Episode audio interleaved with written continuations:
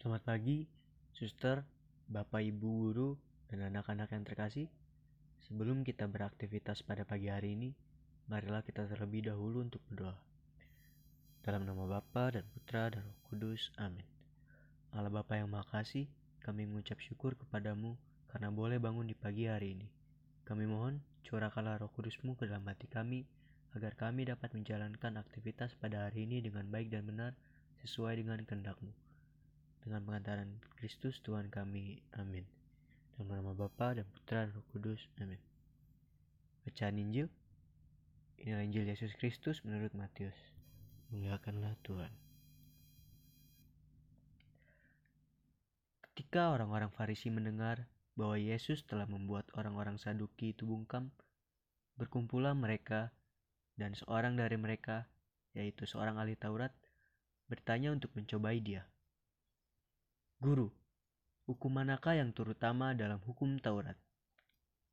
Jawab Yesus kepadanya, Kasihilah Tuhan Alamu dengan segenap hatimu dan dengan segenap jiwamu dan dengan segenap akal budimu.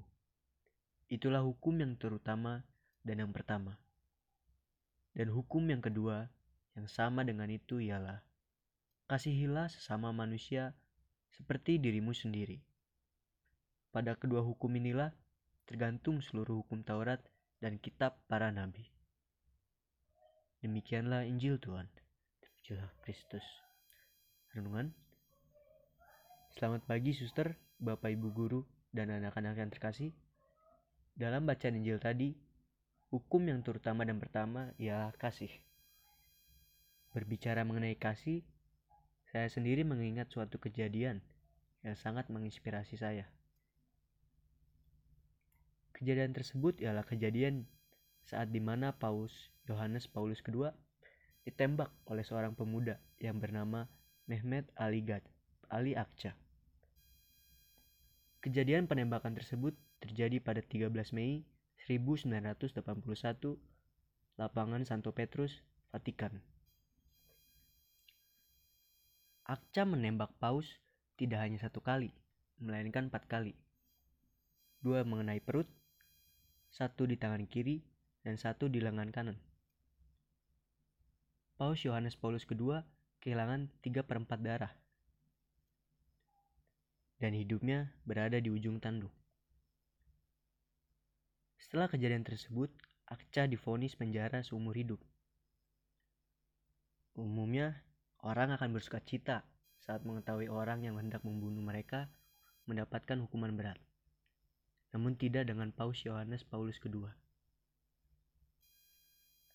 Doakanlah saudara saya, yaitu Akca, karena saya sudah mengampuninya. Begitu kata Paus Yohanes Paulus II terhadap wartawan. Paus Yohanes Paulus II juga mengunjungi Akca dalam penjara. Saat ditanya oleh wartawan, beliau berbicara. Saya berbicara kepadanya sebagai saudara yang mengampuninya dan orang yang saya percaya. Ucap Paus kepada wartawan. Sekitar 20 tahun di penjara, Akca akhirnya mendapatkan gerasi atas permintaan Paus.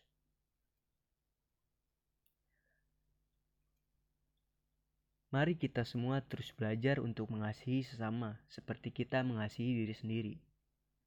Sekalipun mereka sudah berbuat jahat kepada kita, tetaplah berbuat baik. Jika kalian tidak menemukan orang baik, maka jadilah orang baik.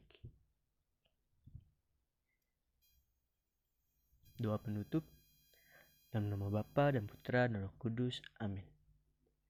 Ya Allah yang Maha Kasih, curahkanlah Roh Kudusmu ke dalam hati kami, agar kami dapat mengikuti teladan dari Paus Yohanes Paulus II, yaitu mengikuti hukummu yang terutama dan pertama, yaitu kasih. Semoga hati nurani kami dapat terbuka dan dapat mengasihi sesama. Dengan pengantaran Yesus Kristus Tuhan kami yang hidup dan berkuasa kini dan sepanjang masa. Amin. Dalam nama Bapa dan Putra dan Roh Kudus. Amin.